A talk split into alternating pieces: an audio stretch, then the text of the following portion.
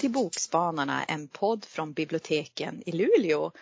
Och vi som spelar in idag, det är jag Julia. Och Magnus. Och så har vi en ny poddare med oss. Som heter Ingela. Vad roligt att du kunde vara med. Och anledningen att Ingela är med oss idag, det är att vi ska ha vårt första Bokspanarnas special. Och vad är Bokspanarnas special? Jo, det är en podd som vi tillägnar en enda boktitel. Men naturligtvis kommer vi prata om andra böcker, i varje fall jag, för jag kan aldrig hålla mig till en sak. Och den här gången så har vi tänkt att vi ska prata om eh, Bridgerton. Fenomenet wow. Bridgerton, ja eller hur? Böcker, serier, det var ju väl, har varit väldigt på ropet nu. Jag tänker sådär, Bridgerton det är en kärleksroman. Och vad har jag att säga om kärleksromaner? Och jag som har läst på nu på morgonen, jag förbereder mig alltid långt innan, har insett att de som uttalar sig om kärleksromaner, det är oftast de som aldrig har läst dem. Och det är de som är mest negativa. Men jag vet att Julia, du gillar ju kärleksromaner. Och ibland så pratar man ju sådär om kärleksromaner och så säger man romance. Vad är det för skillnad på en kärleksroman och romance? Ja, det var ju en bra fråga. Eh, jag har förstått att det är en sån där genregrej. Alltså att om man pratar om romance så ansluter man liksom till eh, den amerikanska och den europeiska traditionen att skriva moderna kärleksromaner och det anses mer positivt än eh, den svenska kärleksromanen som är någon sån där slaskterm. Okej, okay, det var nytt för mig, mig att höra den skillnaden. Men... Och jag måste erkänna att jag har faktiskt eh, läst på som sagt och det som jag läst är Kärlek, passion och begär av Maria Nilsson som är en sån här eh, jättebra introduktion till romance för den som inte kan. Det var ju jätte, jättebra. Eh, men Bridgerton som vi ska pr prata idag, det hör ju till någonting som kallas Regency Romance. Så det finns alltså flera olika sorters romance? Absolut, det gör det. Det finns flera olika sorters romance man delar in. Och just Regency Romance, det kan man säga att det är en underkategori kan man kalla det. Um, och för att det ska vara Regency, då ska den ju utspela sig under the British Regency-perioden. Och det var, eller om man kallar på svenska, brittiska regentskapstiden. Och det var mm. mellan 1818 1820. Och det var ju den tiden som eh, George den tredje, han behövde en förmyndare för att han var inte riktigt vid sina full, sinnesfulla bruk. Så hans son eh, George den fjärde fick vara förmyndare under den perioden och det är därför den kallas Regency eller regentskapstiden. Och det var en tid av mycket stora förändringar. Eh, sociala, politiska, ekonomiska, konstnärliga och så var det en period också under krig. De napoleanska krigen skedde också under den perioden. Ehm, och det är ju skillnad också på böcker. Vi har ju många klassiker som Jane Austen och så Walter Scott och sånt som de, de är ju förlagda till den här Regency-eran. Men det är ju inte de vi ska prata om utan vi ska ju prata om Regency Romance och det är ju böcker som är skrivna nu senare som är förlagda till den tiden och som har vissa olika, alltså de, de vill ha historiska detaljerna rätt men det finns ju viss, vissa teman och vissa klassiska handlingar som utspelar sig, alltså, som de vill, de vill ha med i böckerna för att det ska vara så här romance och det är ju lyckligt slut såklart. Och kärlek. Och kär, ja, kärlek är ju det viktiga. Jag tyckte att det var klart med romance. Um, och sen finns det också någonting som heter Regency Fantasy, läste jag oh. nu på morgonen. Och då, det kallas också böcker som utspelar sig under den tiden men de kan även, det kan även vara i fantasymiljöer som har tagit inspiration från eh, Regency-tiden fast det är i en fantasymiljö. Så det tyckte jag också var lite spännande och dit räknas tydligen Pride and Prejudice and Zombies av Seth Graham Smith eller Jonathan Strange och Mr Norrell av Susanna Clark. Så det är ett exempel på böcker som är fantasy. Regency fantasy. Det finns en också där Jane Austen är vampyr. Ah, som du- duellerar med Emil, Emil Brontë. Och den heter Jane Bites Back. Ja, det, måste det, kanske, vi, det, det måste ju vara en Regency fantasy. och nu måste vi köpa in den till biblioteket i och med att vi bara får prata om böcker som finns på biblioteket. Ja, det, Magnus, då vet du vad din uppgift är sen efter den här inspelningen är klar. Ja.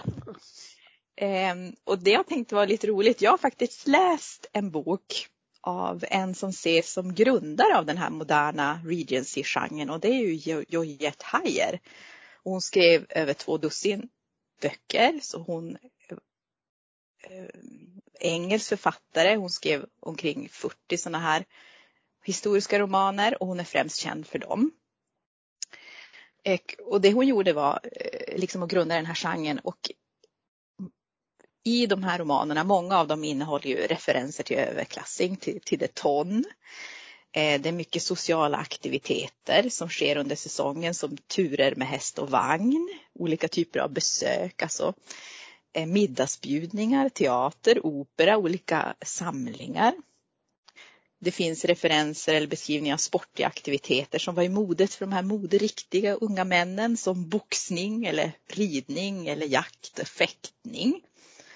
Mycket eh, konvenansäktenskap, falska förlovningar, lite älskarinnor eller kvinnor av dåligt rykte kan ibland dyka upp. Oh. Förväxlad eller felaktig identitet, mysterie eller farselement i handlingen och i olika sociala klasser. Eh, och jag faktiskt, jag har läst den här som jag sa, Arabella av Georgette Heyer. Eh, och den kom första gången 1949 och jag läste den svenska utgåvan från 74. Och jag vet inte om kanske språket hade känts lite mindre gammaldags om jag hade läst den engelska utgåvan. Men den, den var riktigt underhållande. Eh, men man får ju tänka när den skrevs, alltså man får ju bortse kanske från lite problematiskt. Det var lite lilla gumman eh, syndromet att mannen mot, mot kvinnan, men det var ändå underhållande, läsvärd. Det handlar om Arabella. Hon är äldsta dottern till en präst och då får hon åka till sin gudmor för att få en säsong då för att kunna hitta sig en rik man. Eh, hon får sällskap av sin guvernant på resan till London, men det blir fe- något fel på vagnen så de får stanna och hittar då på, på vägen där när de eh, st- står strandade en rik mans jaktstuga. Som de går och knackar på och frågar om de får liksom hålla sig undan regnet där. Eh, och naturligtvis råkar Arabella överhöra att de här då unga männen där pratar om att ja, det är massa lycksökerskor runt och allt typ kvinnor ville och få en rik man. Så naturligtvis så säger hon att åh men gud, hon är en rik arvtagerska fast hon egentligen inte har några hemgift alls och att, hon, att det är så jobbigt med män som bara vill ha henne för hennes hemgift. Så då lurar hon då in i dem att, att hon ska vara en rik arvtagerska. Och sen när hon kommer till London och hennes, hennes gudmor förstår inte varför de blir inbjudna till alla fina bjudningar och baler och det hade hon inte alls förväntat sig. Naturligtvis en av de här herrarna har då skvallrat för hela societeten att hon ska vara någon så här hemlig arvtagerska och så blir det naturligtvis massor med fina förvecklingar av, av detta. Hon är charmig och rätt fram men hon hamnar såklart i klaveret ganska mycket. Så att, eh, riktigt underhållande så jag kan, jag kan rekommendera den om man vill ha en, en, rolig, en rolig stund. Ja, men jag har Och- läst den också. Mm. Tyckte jag du om gillar den? Jo, jag tyckte om den. Eh, jag har inte läst den. Men däremot har jag läst något som heter George Jet Hires Regency Word. Som är alltså en faktabok som lägger grunden till den här miljön som eh, eh, hennes böcker utspelar sig i. Och Det är alltså en tegelsten på 300 sidor. Den har inte mindre än fem sådana här så kallade appendix, alltså tillägg. Varav en är en falör för den som vill liksom kunna prata som en baron. Eh, min, Mm. min enda invändning mot den är att den re refererar till fiktiva gestalter i George H. Heyers böcker samtidigt som det refererar till riktiga historiska människor. Du kan nämna, så gjorde Lord Byron och så gjorde bla bla bla i liksom Baronen och jag i samma mening. Och i och med att jag inte läst hennes böcker då så kan det vara lite förvirrande. Men väl värd att läsa och den som gillar historia. Absolut, men eh, nu kanske ska vi Bridgerton. Ja? Bridgerton. Varför valde vi att göra det här specialavsnittet? Vad säger du Magnus? Eh, varför vi gjorde det, det är ju därför att Bridgerton är bäst. Finns det någon annan anledning? Det som är intressant med Bridgerton och eh, Julia Quinn, det är att hon är en av de få romansförfattare som har lyckats ta steget liksom från en ganska, man kan kalla det stigmatiserad eller avgränsad genre till liksom de vanliga bokhyllorna. Hur, du har ju läst henne ganska mycket Ingela. Jo, eh, det har jag. Jag fastnar för dem ganska på en gång. Så, att, eh, så det är jätteroligt att jag ramlar över dem. Eh, för att jag har varit intresserad av historiska romaner och läsa ganska länge. Och hittade här då, den här serien. Så att, eh, det är kul och så just att det är en serie på, på åtta delar. Att man får följa de här familjemedlemmarna hela vägen tycker jag också är en av fördelarna. Det är åtta syskon va, som det rör sig om. Mm, precis. Så att eh, då är det ju första boken som, som vi nu som bygger på den här serien då som heter En annorlunda allians. Och då är det Daphne som är nummer fyra i syskonskaran det handlar om då. Mm. Och det finns ett ganska intressant sätt att hålla reda på var i syskonskalan eh, syskonen befinner sig. De är ju döpta i bokstavsordning. Jo, precis. Och det, det görs ju ganska mycket, ja, pratas om det då i böckerna just att de skämtar om det där att de är döpta efter i bokstavsordning. Så Daphne är på det är nummer fyra i syskonskalan. Men blir den första som vi får skapa bekantskap med. Absolut, men vad Mm. handlar den första boken om? om? För om det är någon som inte har hunnit läsa den. Ja, du får väl hjälpa mig Julia eh, med det. Jag har läst om den nu också sådär. För att, men det börjar just om Daphne som, ja vad ska vi säga, ska ut då i, hon är väl redan egentligen i boken och redan ute i sällskapslivet och hon är drygt, jag undrar om inte hon är nästan 21 år. Så att hon är väl inne på sin, slutet på sin andra säsong. Och ja, och har väl det här äh, att hon inte riktigt har träffat någon som, hon vill ju som, hon vill ju gärna träffa en make och skaffa barn och ja, bilda familj. Men har inte riktigt träffat någon som hon kan tänka sig då för att hon har ju ändå sina föräldrar som och ändå har varit väldigt lyckliga. Så att eh, vill ha ju det där som att se fram emot då. Så hon har ju några några frierier bakom sig men det var inte riktigt någonting att satsa på. inte rätt, för inte rätt eh, kvalitet på friaren. Nej, nej precis. Det var ju väl att de ansåg henne mer som en, som en vän eller sådär. Någon bra, ja en fin ung kvinna men inte någonting sånt där. Ja, Ingen man blev kär i. nej, Ingen person. Inte de där Nej. idealet som var kanske. Man kanske ska tillägga att under Regency-epoken så fick ju kvinnor då av eh, adelsklass och eh, borgarklass inte arbeta. Så det enda sättet som de kunde överleva ekonomiskt det var faktiskt att gifta sig. Mm. Och få kanske lite oberoende på något sätt ut Mm. sådär. Eller komma, komma utifrån familjen och sådär det de har växt upp med. Och det som vi pratade tidigare om det här att komma ut, det var att man blev presenterad vid hovet. Mm. Och efter det så hade man ungefär tre år på sig att skaffa en man. Annars så bedömdes man som eh, övermogen.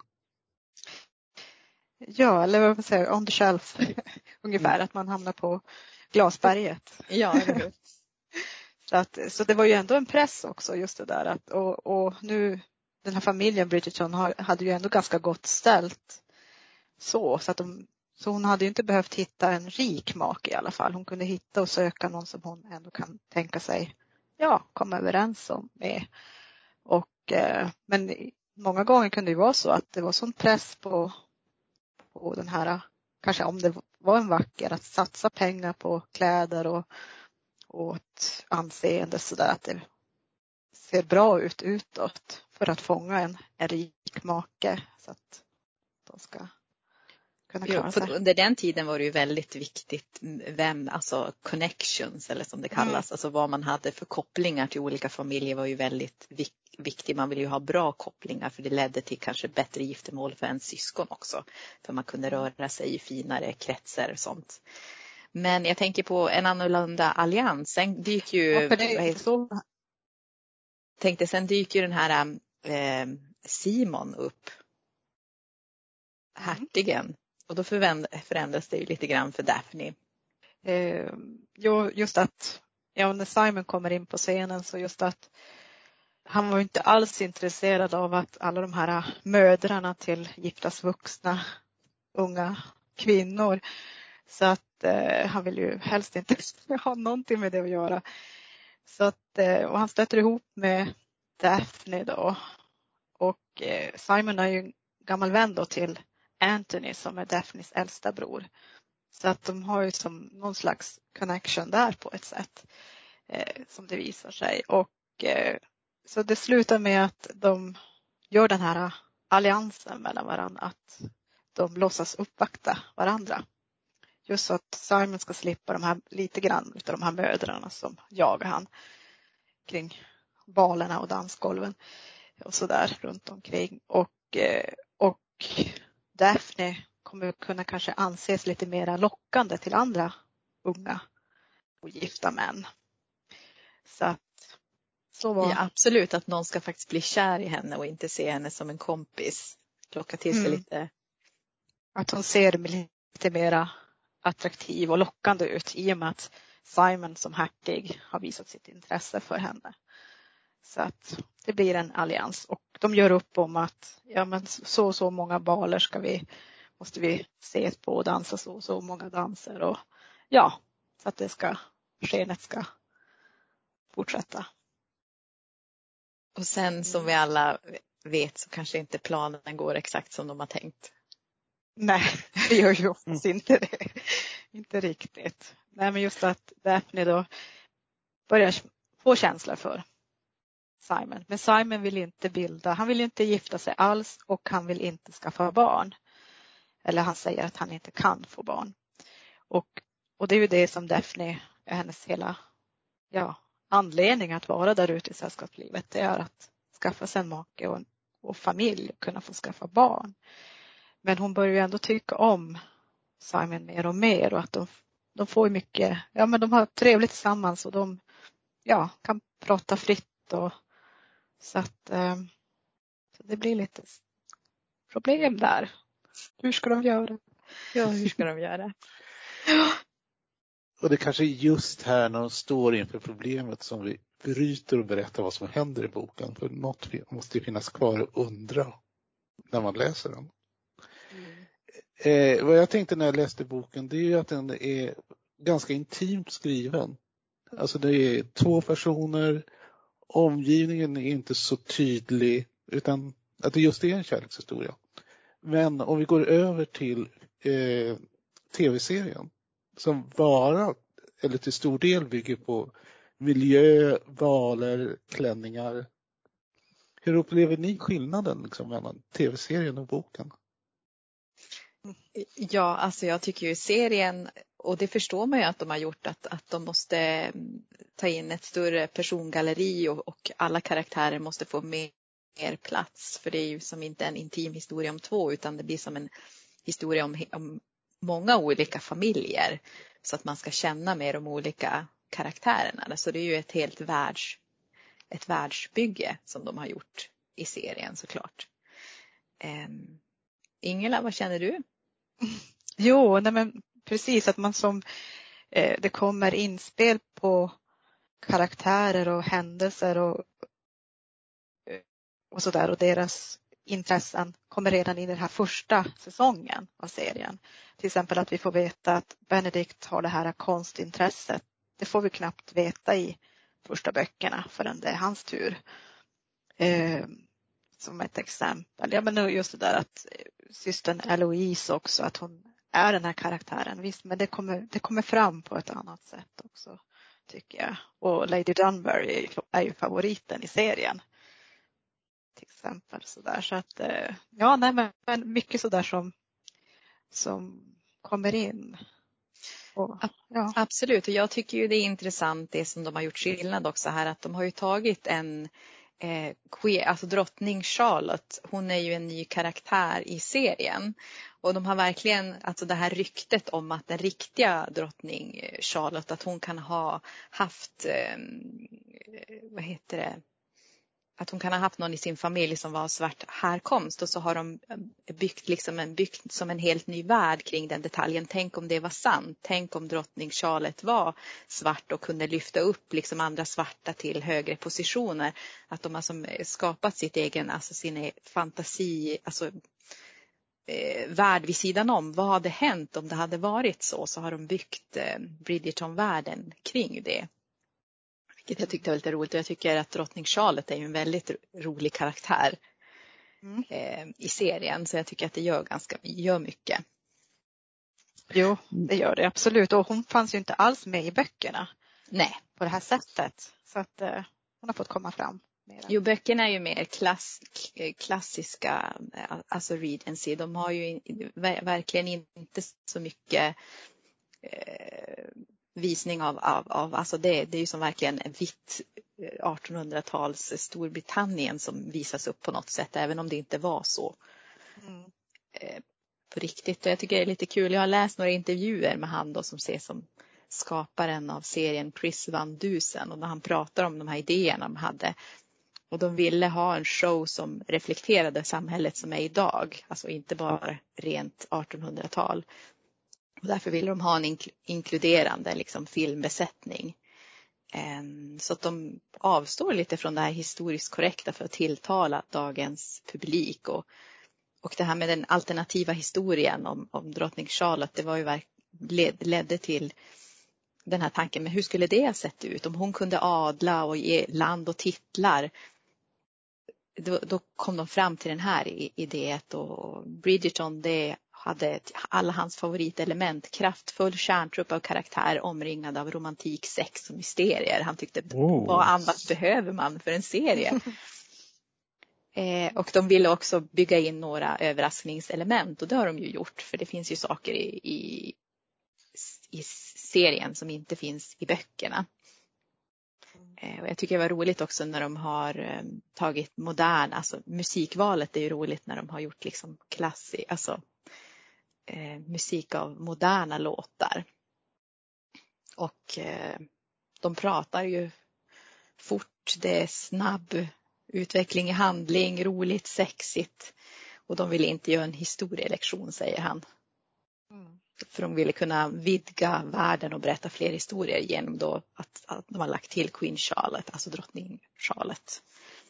Eh, och ge redan bra, alltså rika karaktärer mer bakgrundshistoria. Så det tyckte jag var väldigt intressant. Så det är kul att läsa om någon som är med och skapar någonting som har deras tankar bakom och ger kanske en, ger, är kul sen att se i serien och se, ja men här, så har de tänkt här. Mm. Det blir ju som lite mera, ja, fyllnad som det ger lite mera innehåll. Mm. Men hur är det med kläderna då? Jag får känslan att de har tagit sig ganska mycket frihet med kläderna som folk har på sig. Alltså den klassiska Regency-boken så är det ju mer de här lätta klänningarna med höga midjor och vahytter. Om vahytt är en sån där liten strutartad eh, hatt kan man säga. Ja, nej, det, det, har de, det är inte jättemycket hattar inte i den här. Inga vahytter i serien. Nej, det är ju nästan ingenting tror jag. Det brukar ju vara, och det var mycket sånt i böckerna. Det är ju en sak. Jo. Det är mycket, det är mycket färgglatt. Ja, mycket mm. utsläppt hår. Jag har som en känsla av att under Regency var det mycket mer alltså strama, stramt, att håret var mycket mer uppsatt. Men samtidigt så fungerar det ju visuellt. Alltså det är Ja. ju det som gör att serien är så extremt snygg att- titta på. Ja, miljö, är- ja, miljöerna är ju fantastiska, Ja. alla, alla rum och alla de här eh, palatsen eller vad man ska kalla det, herrgårdarna de är på är ju jättehärliga att se. Mm. Jo, jag tänkte det när man såg alltså inomhus på Bridgerton House. Tänkte man, jösses vilket hus! Det där, det, vilket hus att växa upp i. Det var ju storslaget. Men samma när man kom till Hastings House, alltså Jo, Simons världens hus, det känner man mig Gud hur rik man måste vara för att ha liksom, när man går in i hallen, hur många våningar ö- högt var det med liksom en eh, Ja. eh, kupol högst upp. Alltså det var som kyrk, man kyrkokänsla när man kom in. Mm. Ja, det var också storslaget där också. Om man tänker bara för att underhålla allt det där. Och hålla rummen vintern. Städa, Städa. putsa fönstren. Men de hade ju tjänare. Jag Ja. tror att på sånt där country house så kanske det var vanligt att det var 40-50 personer. Alltså i tjänarstaben. Säkert. Och så hade man ju säkert inte alla hus igång samtidigt ut- utan det var ju koncentrerat på någon enstaka eller två. Men när, nu måste vi prata om Lady Whistledown. Det är ju hon och Mm. hennes Society Paper som jag tycker är nerven som fick mig intresserad. Ja. Ja men hon Och- är ju frän. Mm. Och det som man kan säga att eh, hennes Society Paper det är en sån här skvallertidning som alla läser. Och i tv-serien så är det den som driver handlingen framåt. Det är liksom det första man möter. Det är ju liksom ett sånt där fett litet skvalleråtergivning. Så jag blev lite besviken när hon inte fanns med i den första boken, måste jag säga. Men kommer hon med i böckerna senare? Alltså det som är är ju att, att eh, man får ju, det avslöjas inte vem hon är förrän Mm. i bok fyra. Mm. Eh, och jag kan ju vara lite besviken över att de avslöjade vem det var i slutet på säsong ett av Bridgerton på serie, som serie. Eh, jag hade nog velat att det hade varit lite hemligt lite längre fram. Eller? Vad säger du Julia?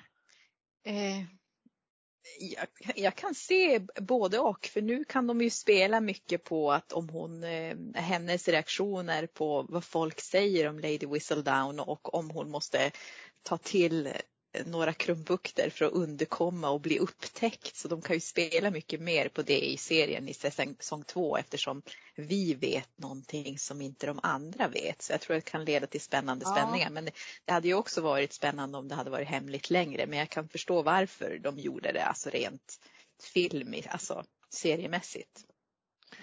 Jag är nog tacksam att jag fick reda på det. Annars hade jag inte kunnat sova på nätterna. Du hade fått läsa mer av böckerna Magnus. Då hade jag fått läsa mer av böckerna. Eller så kanske jag- ta, ja. Kanske du Det, gör kanske, det det ska jag nog göra ändå, tror jag. Ja. För då när det eh, fjärde boken som sagt, då kommer det ju fram. Men för just det där att det var ju så spännande i boken också när till exempel Colin, han är så inställd på att han ska försöka ta reda på vem det är och han tror att det är hans syster Eloise som är för att hon har så mycket bläck, bläckar på sina fingrar för att hon skriver så mycket brev. Och det hade ju som sådär att hon, han är så säker på att det är Eloise. och så där, så att det är ju också en grej. Nej men också gillade ju alltså just Julie Andrews som röst till Mm. Lady Whistledown. är ju fantastiskt. Det är ju som, åh det är bästa. Så jag hoppas att det fortsätter på något sätt. Nästa serie. Ja, Eller ja, säsong två. Men jag vet inte. Kommer hon att kunna en få. Det kommer bli en säsong två. Absolut och det finns också, jag läste att eh, det är redan skrivet på för flera säsonger. Mm. Eh, men just det där att jag hade gärna velat fortsätta höra Julie Andrews som Whistledown. Absolut, jag hoppas det. Och jag har ju nyss läst också att de ska göra en miniserie om eh, drottning Charlottes ungdomsår tillsammans med då Violets och Jaha. eh, eh, Danburys. Så de kommer vara unga i en miniserie då så får man väl se när eh, eh, drottning Charlotte gifter sig säkert med George och hennes första säsong och så där ska de göra en miniserie om det. Så det blir ju också spännande att få en bakhistoria för henne i, i den här serien. Så det ser jag fram emot att se. Och Violet Bridgerton då när hon träffar sin, sin make och får sina åtta barn. Början till den historien. Jo. För han är ju väldigt, eftersom han, han dog väl när Hyacinth föddes. Eller innan. Han, innan, in, innan, hon, innan hon föddes. Så det kan, ju, det kan ju vara kul att få se hur de ser deras eh, säsong och hur de träffades och bildade sin, sin familj då som är den här ikoniska Bridgerton-familjen som vi följer i den här bokserien och serien. Så det tycker jag kan vara lite en prequel eller vad ska man kalla det? Jo. Jo men det låter lite roligt att höra. Men för man får ju någon sån här lite inflik i böckerna också när de går tillbaka till hur det var. Till exempel i nästa bok som handlar om Anthony.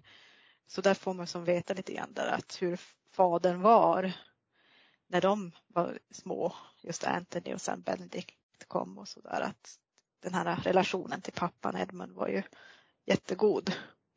Så att eh, så det var ju så tragiskt när han dog när Anthony var bara 18 och Daphne här från första boken var väl kring 10 år. Så att det blir ju jättespännande att, mm. se. Ja, och se fram emot. Men apropå det kanske jag kan säga apropå sånt, sådana miniserier eller att de gör annat. Det ska ju komma en ny serie som från Julia Quinn. Har ni sett det? Nej. Som, nej. Nej.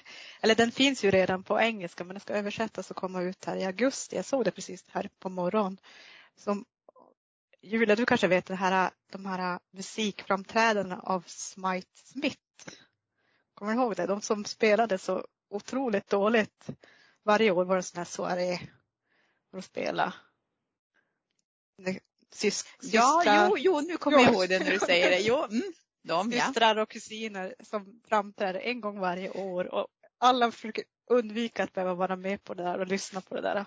För de, det var väldigt Inte bra. falskt. Ja, falskt och dåligt. Och, och typ Mozart skulle vända sig i sin grav tyckte ju någon där om det var Hyacinth.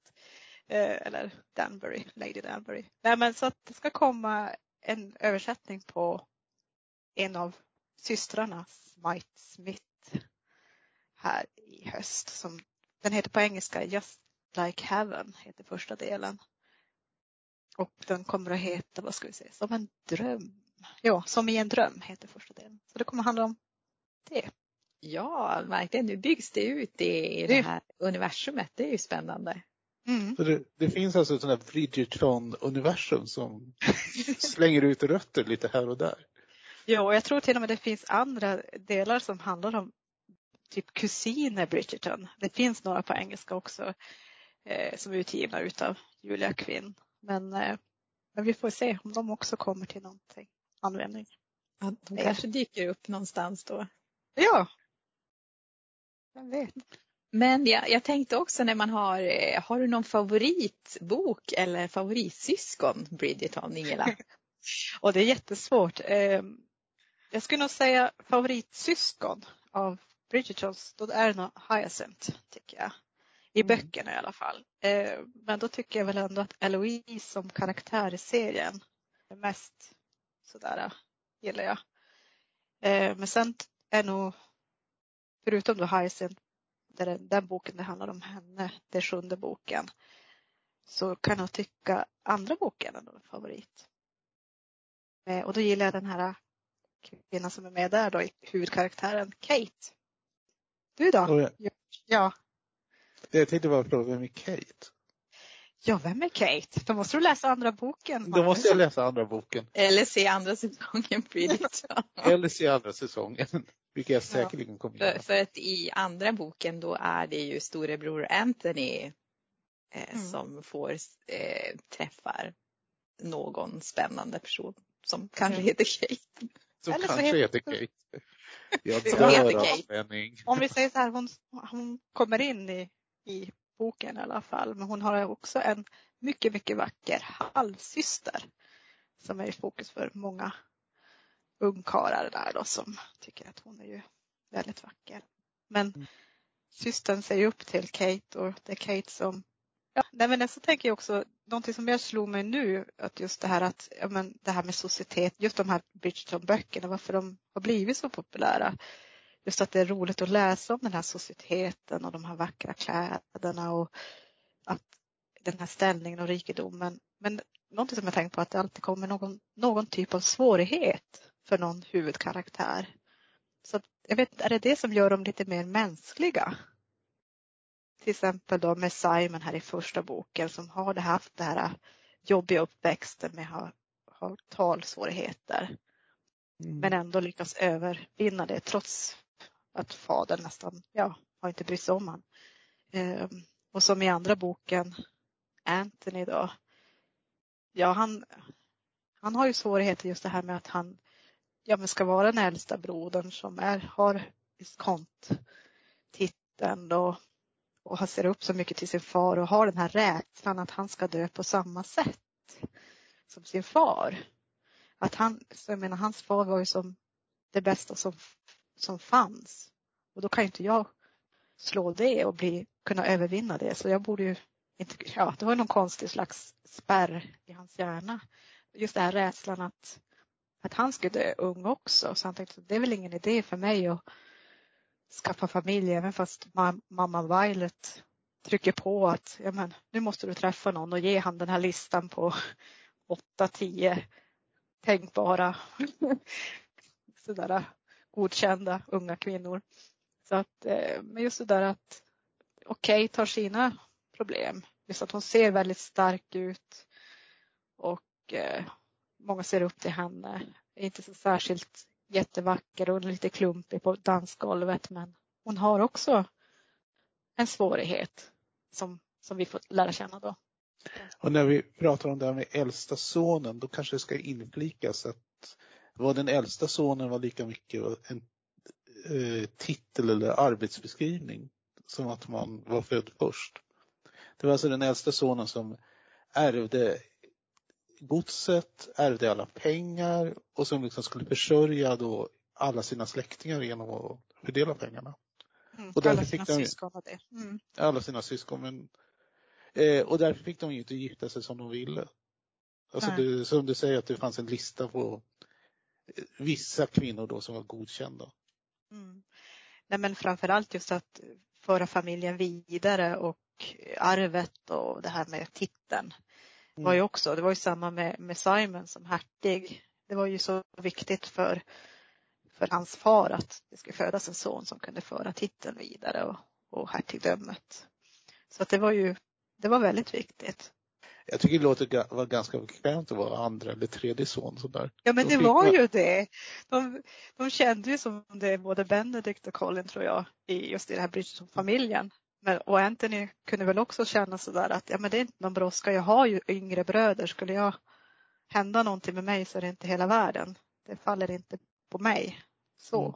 Men det brukade ju vara den här personen i flera led bakåt är den som har då ärvt titeln och, och det här ansvaret. Men vet ni vad, jag tror att jag måste gå och läsa lite mer böcker. Alltså jag blir inte riktigt sugen. Men då måste vi ju avsluta det här avsnittet av Bokspanarna först. Och böcker som vi har pratat om. En annorlunda allians. En annorlunda allians. Av Julia Quinn.